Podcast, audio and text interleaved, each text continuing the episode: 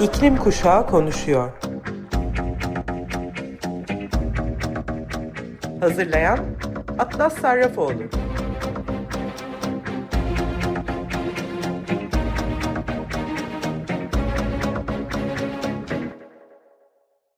Merhaba Sayın Açık Radyo dinleyicileri, İklim Kuşağı Konuşuyor programına hoş geldiniz. Ben Atlas Sarrafoğlu ve bugün sizlere devam eden COP26 yani Birleşmiş Milletler İklim Zirvesi'nin 26.sından çıkan haberlerden bazı bilgiler vereceğim. Ve oradan e, ve orada bulunan arkadaşlarımdan birkaç tane ses kaydı aldım. Onları Türkçe'ye çevirerek sizlerle paylaşıyor olacağım. İlk değinmek istediğim ve hala anlayamadığım konu olan COP26'nın sponsorları ve destekçileri e, bu karbon salımında oldukça yüksek e, seviyelere ulaşan bu konuda e, karbon yatırımı yapan e, şirketler e, yani yapılan açıklamalardan COP26 içinde en büyük kirletici şirketlerden yaklaşık 600 lobi delegesi olduğunu e, biliyoruz. Karşılaştırma yapmak gerekirse bunlar hep birlikte tüm hükümet delegasyonlarından daha fazla delege sayısına denk geliyor ve sadece müzakere masasında oturmakla kalmıyorlar. Hükümetlerden, aktivistlerden ve gözlemcilerden sayıca fazlalar ve müzakere masalarına sahipler ve sponsorluk da yapıyorlar. COP26'ya sponsor olan şirketlerin e, 2020 karbon emisyonlarını sizin için e, derledim. Şimdi onları okuyacağım. Scottish Power 73 milyon ton karbondioksit. Hitachi 72 milyon ton karbondioksit. Unilever 61 milyon ton karbondioksit.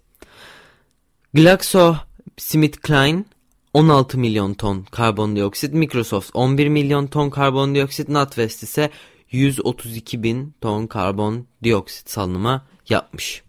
COP26'ya Avusturya'dan katılan arkadaşım Fridays for Future iklim aktivisti Mike Artner bazı izlenimlerini bizlerle paylaştı. Şimdi onu dinleyelim. Benim mavi alana girmek için rozetim vardı. Tanıdık delegeler, bazı önemli insanlar vardı ve sonra müzakereler yapıldı ama örneğin halka açık ve yan et etkinlikleri açık olan yeşil alandaydı. Bu yüzden temelde yeşil alana girdiğimde hayal kırıklığına uğradım. Çünkü burası kocaman bir şirket reklamlarını barındıran salon gibiydi ve birçok şirketin ürünleri hakkında bilgiler içeren bir stand vardı. Temelde büyük bir şey yeşil yıkama olayıydı aslında. Bazı istatistiklerin yanı sıra iklim değişikliğiyle sadece kar için değil, gerçek anlamda mücadele edebilecek şirketler gibi görünmeye çalışıyorlardı. Örneğin bir şirket hidroelektrik enerji santrali için göz boyama yapmaya çalışıyordu. Yeşil alanın hemen girişinde bir tırtıl vardı hidro güçle çalışan ilk Caterpillar'mış. Bunun gibi orada olmaması gereken çok yeşil badana ürünü vardı bence. Ayrıca COP26'ya girişte güvenlik önlemlerinde oldukça ağır olduğu görülüyordu. Halkın olduğu yeşil bölge içinde bir hava alanı gibi metal dedektörlerinden geçmeniz gerekiyor. Yanınızda eğer sıvı varsa zehirli bir sıvı veya patlayıcı olmadığını kanıtlamak için ondan bir yudum almanız gerekiyor. Yan etkinliklerin bazılarına bilet almamız gerekiyordu ee, ve biletler de çok sınırlıydı. Yeşil alan aslında mavi alana yakın değildi ve bir etkinliğe gitmek isterseniz kalabalık arasında hızlı adımlarla 20 dakikalık yürüyüş yapmam gerektiğini hesapladım. Bazı etkinlikleri bu sebepte ilk başlarda kaçırdım. Grevle ilgili olarak Perşembe sabahı Glasgow'daki işçilerin grevine katıldık adil ve yeterli maaş alamadıkları ve kötü çalışma koşullarından dolayı tüm hafta boyunca grev yapan işçilere Fridays for Future Glasgow olarak destek verdik. İşçilerin grevlerinde onlarla birlikte grevlerine dayanışma içindeyiz yazan bir pankart açtık ve tabii ki cuma günde onlar da bizimle grev yaptılar. Grevimizde 30 bin kişi geldi mi bilmiyorum ben organizatörlerden biriyim ve bir bant tutarak MAPA aktivistleri için güvenli bölge olması gereken alanı kontrol ediyordum. Greta ile fotoğraf çektirmek için içeri zorla e, girmeye çalışan bir sürü insan vardı. Bu yüzden güvenlik bir şekilde sokakta yürümek e, zorunda kaldık. E, ayrıca bazı insanlar yasa dışı olarak güvenli alanına girmeye çalıştılar. Ben de bu yüzden dışarı çıkmak istemedim. Bu yüzden güvenliği çağırmak zorunda kaldık. Bu yüzden polis de e, bizimle birlikte yürüdü. Özellikle küresel kuzeyin uygulamalarının MAPA'da yaşayan insanları nasıl öldürdüğünü anlatan aktivistleri e, ve kaynakların sömürülmesini, yaşadıkları travmaları, e, deyim e, yerindeyse deneyimlerinden motive edici ve bu konuşmalarıyla e, ne için savaşmaya devam ettiklerini duymak e, ve bunu nasıl devam ettirdiklerini duymak e, doğrudan etkilenen insanlardan oldukça duygusaldı. Greta konuşmasını bitirdiğinde birçok gazeteci onun fotoğrafını çekmek için sahne arkasına doğru koştu. O sırada ben orada değildim. Avustralyalı arkadaşlarım oradaydı ve bütün e, itişme içinde Greta'yı oradan çıkarabilmenin çok stresli olduğunu söylediler. Cumartesi grevinde ise e, farklı birçok örgüt vardı yani cumartesi günü e, olduğu için işçiler de katılabildiler. 120 bin kişilik grev ordusu olarak rotamız gerçekten çok uzundu. Bir de o kadar yağmur yağdı ki e, biraz fazla yorulduk sanırım. Ben şahsen cuma gününü daha çok sevdim. Çünkü çok daha duygusaldı. Belki de bir önceki gün yaşadığım yorgunluktan dolayı böyle hissediyorum. Benim ilk hafta için rozetim vardı. Dolayısıyla ilk önce Edinburgh sonra Avustur Avusturya'ya geri dönüyorum. Diyor e, Mike Artner. E, şimdi de sizlere iki haftalık COP26 boyunca konferanslar, toplantılar ve hatta grevlere katılan Fridays for Future Polonya'dan e, iklim aktivisti arkadaşım e, Maya Özbayoğlu'ndan bir e, mesaj e, ileteceğim. O e, bir yazılı mesaj iletti Açık Radyo dinleyicileri için ve sizlere şimdi onu okumak istiyorum. Merhaba, benim adım Maya Özbayoğlu. İklim aktivistiyim ve bu COP26'da Polonyalı ve iklim için gençlik Türkiye'yi temsil ediyorum. COP26'nın resmi kısmı daha başlamadan küresel ısıtmayı 1,5 derecenin altında tutma hedefinin COP'un daha doğrusu global liderlerin tartıştığı konular arasında silindiğini öğrendim. Bu beni ilk günlerden itibaren kötümser bir ruh haline soktu. Yine karar alıcıların iklim krizini küresel güneydekilerin şu an yaşadıklarını ve bizim geleceğimizi ciddiye almamaları beni hayal kırıklığına uğrattı. Yalnız aynı hafta cuma ve cumartesi günü iki kocaman grevde yer aldım. İlkinde 30 bin ve ikincisinde yaklaşık 120 bin kişi sokaklara çıktı. Hepimizin aynı amacı vardı. İnsanların gücünü göstermek ve iklim adaletinin önemini vurgulamak. O zaman yine doğru yerde ve doğru insanlarla olduğumu hissettim. Gerçek değişikliğin içeride, politikacıların olduğu odalarda değil, dışarıda, insanların olduğu yerde yapabileceğimizi öğrendim. Gerçek liderler içeride değil, dışarıdaydı ve onların arasında Brezilya'dan gelen yerli insanlar, Afrika'dan, Latin Amerika'dan, Asya'dan ve iklim krizinden en fazla etkilenen aktivistler vardı. Bu grevler sayesinde yine içim umut ve enerji doldu. Bütün buradaki etkinlikler yüzünden çok yorgun olmama rağmen her gün heyecanla ve pozitif enerjiyle uyanıyorum. Çünkü biliyorum ki yanımdaki müthiş insanlar benim gibi iklim adaleti olan ve fosil yakıt ve adaletsizlik olmayan bir dünya için savaşıyorlar. Bu maceranın bir parçası olduğum için çok mutluyum ve umarım bu düşünce şekliyle istediğimiz farkındalığı yaratabileceğiz. İki hafta önce de e, İsveç'te yapılan e, Climate Live konseri sırasında Filipinler'den gelen e, sevgili Mitzi e, Jonel Tan e, konuşmasını çok etkili bulduğum için iki haftadır konuşmasına yer vermek istiyordum. Şimdi tam zamanı sanırsam ve e, her ne kadar COP26 konuşması olmasa da liderlerin duyması gereken sözler olduğu konusunda e, eminim. Bir senfoni gibi dışarıda esen rüzgar ve yine bir tayfun ülkemi harap ederken Gök gürültüsünün gümbürtüsüyle birlikte kapımızı gürültüler. Ailemle karanlıkta toparlanıp elektrik yokken evimizi tahliye etmek zorunda mıyım ya da diğer aile ve diğer şehirler konusunda güvende mi diye öğrenmek için pille çalışan radyomu dinlerken yağmur ve gök gürültüsü dışarıdan kükrüyor. Üstelik benim bu hikayem bile ayrıcalıklı. Ülkem Filipinler iklim krizine karşı dünyanın en savunmasız ülkelerinden bir tanesi. Son 20 senede en fazla aşırı hava olaylarını yaşayanlardık ve her yıl insanların evlerine, binaların üçüncü katlarına kadar basan sellerle karşı karşıyayız. Çatılarında mahsur kalan sıra sıra insanlar sesleri saatlerce ve hatta günlerce rüzgarda yardım için feryat ediyor. Filipinler'de korktuğumuz sadece gök gürültüsü değil. Aynı zamanda polisin kapımıza dayanmasından da korkuyoruz. Aktivistlerimiz çok uluslu şirketlere karşı evlerini gezegenlerimizi korudukları için haklarımıza haklarımız adına savaştıkları için acımasızca yok edilip öldürülürken yüksek sesle ortaya çıkan gümbürtülerden de korkuyoruz. Bu fırtına evimi yıkacak olan fırtına mı? Bu polis beni veya ailemi öldürecek kişi mi? Son 6 yılda mevcut Cumhurbaşkanımız rejimi altında 200'den fazla çevre savunucusu öldürüldü. Bugün Dünya Aç Açlık Günü'nde Filipinler'deki Kayan e, Vadisi'nde büyük ölçekli madenlerde ve tarım işletmelerinde karşı mücadele eden bir yaşındaki bebeği nefret dolu diktatörün onu hapsetmek için elinden geleni yaptığı yerde hapishane cüresinde büyüten küçük çiftçilerin müdahalesinde katılan kadın yazar Amanda Ekanis serbest bırakılmasını talep ediyoruz. Ekanis, Cumhurbaşkanımızın rejim sırasında her zamanki gibi işleri tehdit ettikleri için onu susturmak e, amacıyla tutuklanan yüzlerce çevre aktivistinden sadece bir tanesi. Çünkü Filipinler'de aktivist olmak hayatınızın tehlikede olduğu anlamına geliyor. Ama her gürültülü şimşekte ve bir başka aktivist alıp götürülürken her gürültü patlamada, her gürültü patlamasında daha çok insan olarak ayağa kalkıyoruz. İklim krizinin ve insanlarımıza yönelik şiddetin küresel kuzey için sonsuz büyümenin imkansız rüyası adına küresel güneyi sürekli olarak sömüren ve yok eden emperyalist bir sistemden kaynaklandığını biliyoruz. Şimdi bunu duyan herkese ayağa kalkın, bize katılın çünkü birlikte yaratabileceğimiz güzel bir dünya var. İnsanların ve gezegenin önceliklendirdiği, kimsenin geride bırakılmadığı bir yer. Ve bu her zaman için mücadeleye değer.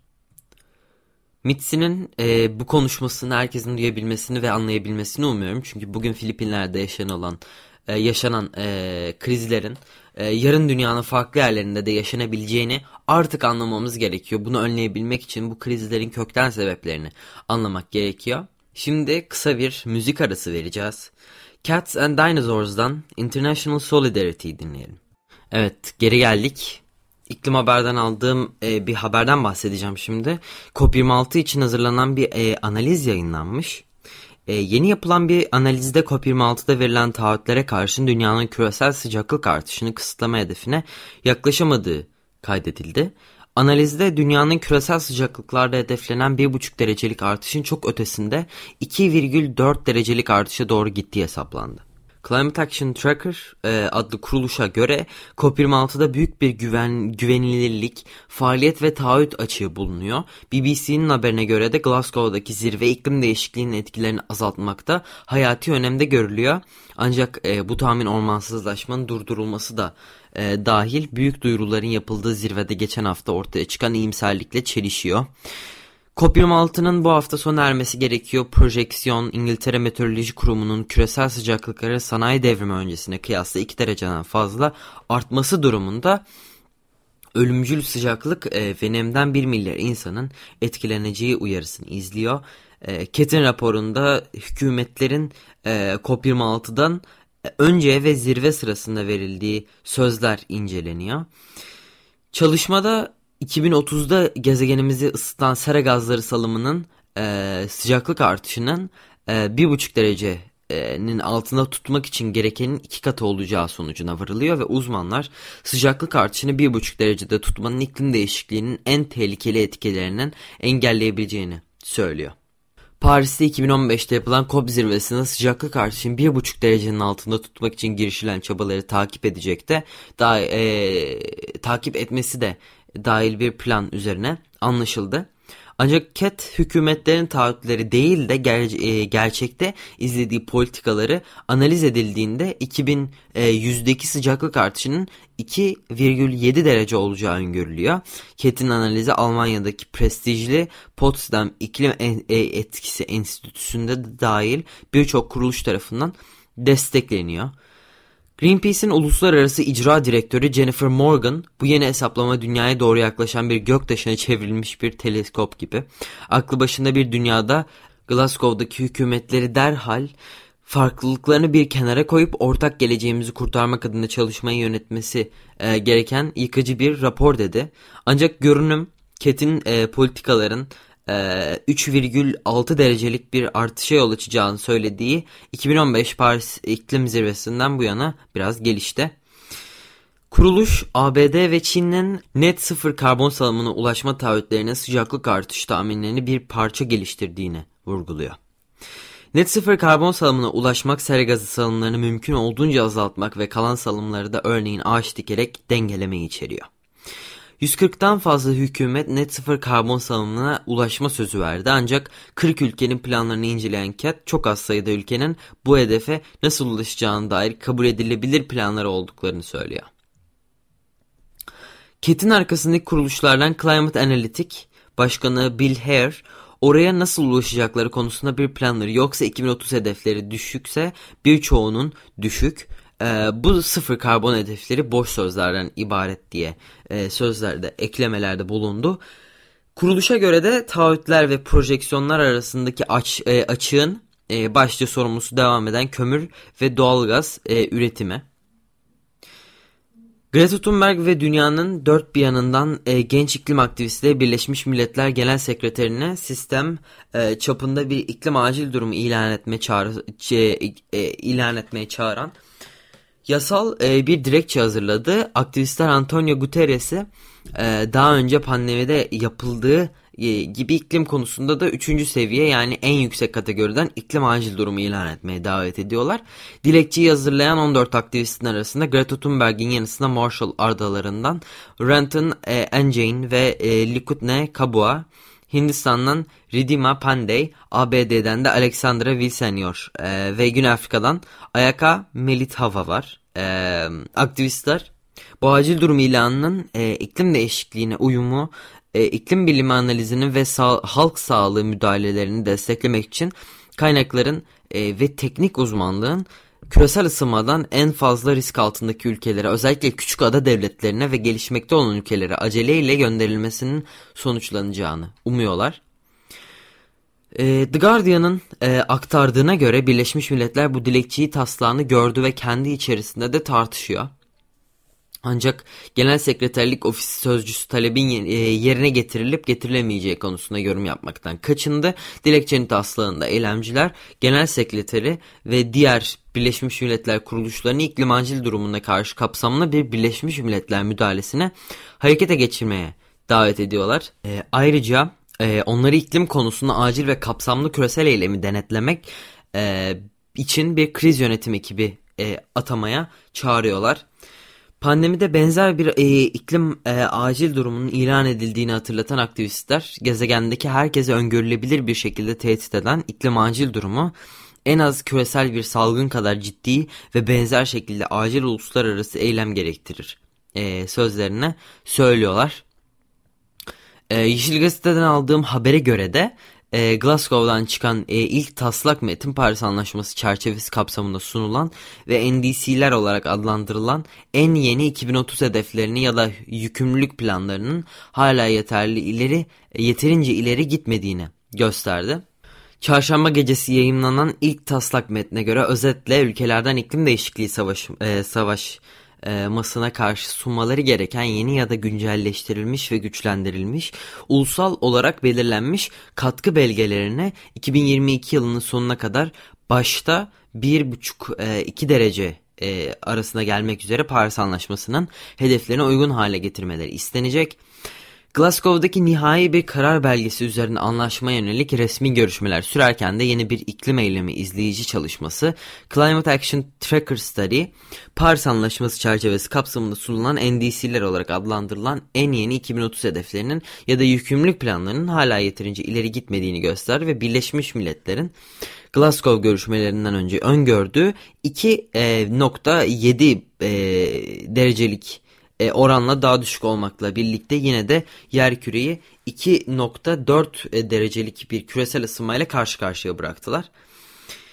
E, öte yandan da Glasgow'a e, katılan e, hükümetler uzun vadeli yükümlülükleri ve net sıfır hedefleri de dahil olmak üzere duyurdukları her şeyi yerine getirirse küresel yıllık e, ortalama yüzey sıcaklıkları yalnızca 1.8 derece kadar artacak.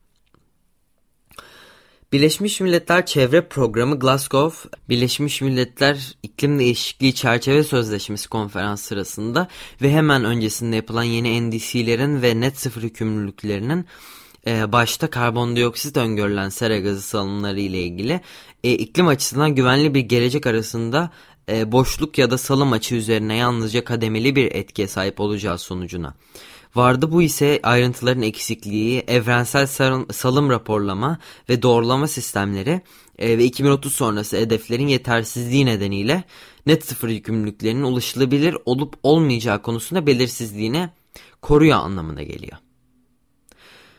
İngiltere Meteoroloji Kurumu sıcaklığın sanayi öncesi döneme göre 2 derece artması durumunda 1 milyar insanın ölümle sonuçlanabilecek risk altında olabileceğini duyurdu. COP26'nın temel amacı küresel ısınmayı 1,5 dereceyi sınırlama şansını canlı tutmak. Ancak delegeler zirvenin son haftasında bunu başarmak için yapılacak çok iş olduğunu söylediler. İngiltere e, Meteoroloji Kurumu'nun e, değerlendirmesine göre sıcaklıktaki 2 derecelik e, bir artış 1 milyar insanı risk altına alacak.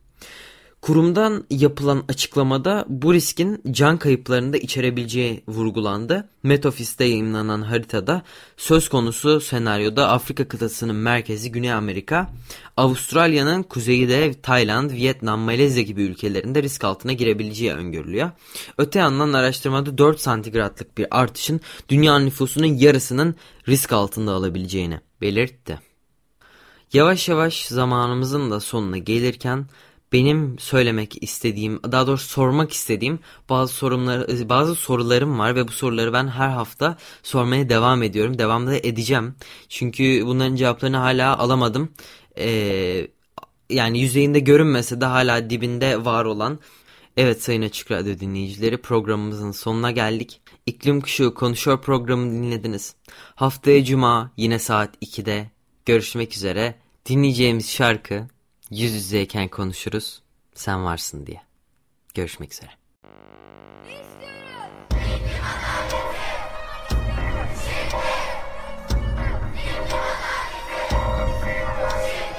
İklim Kuşağı konuşuyor. Hazırlayan Atlas Sarrafoğlu.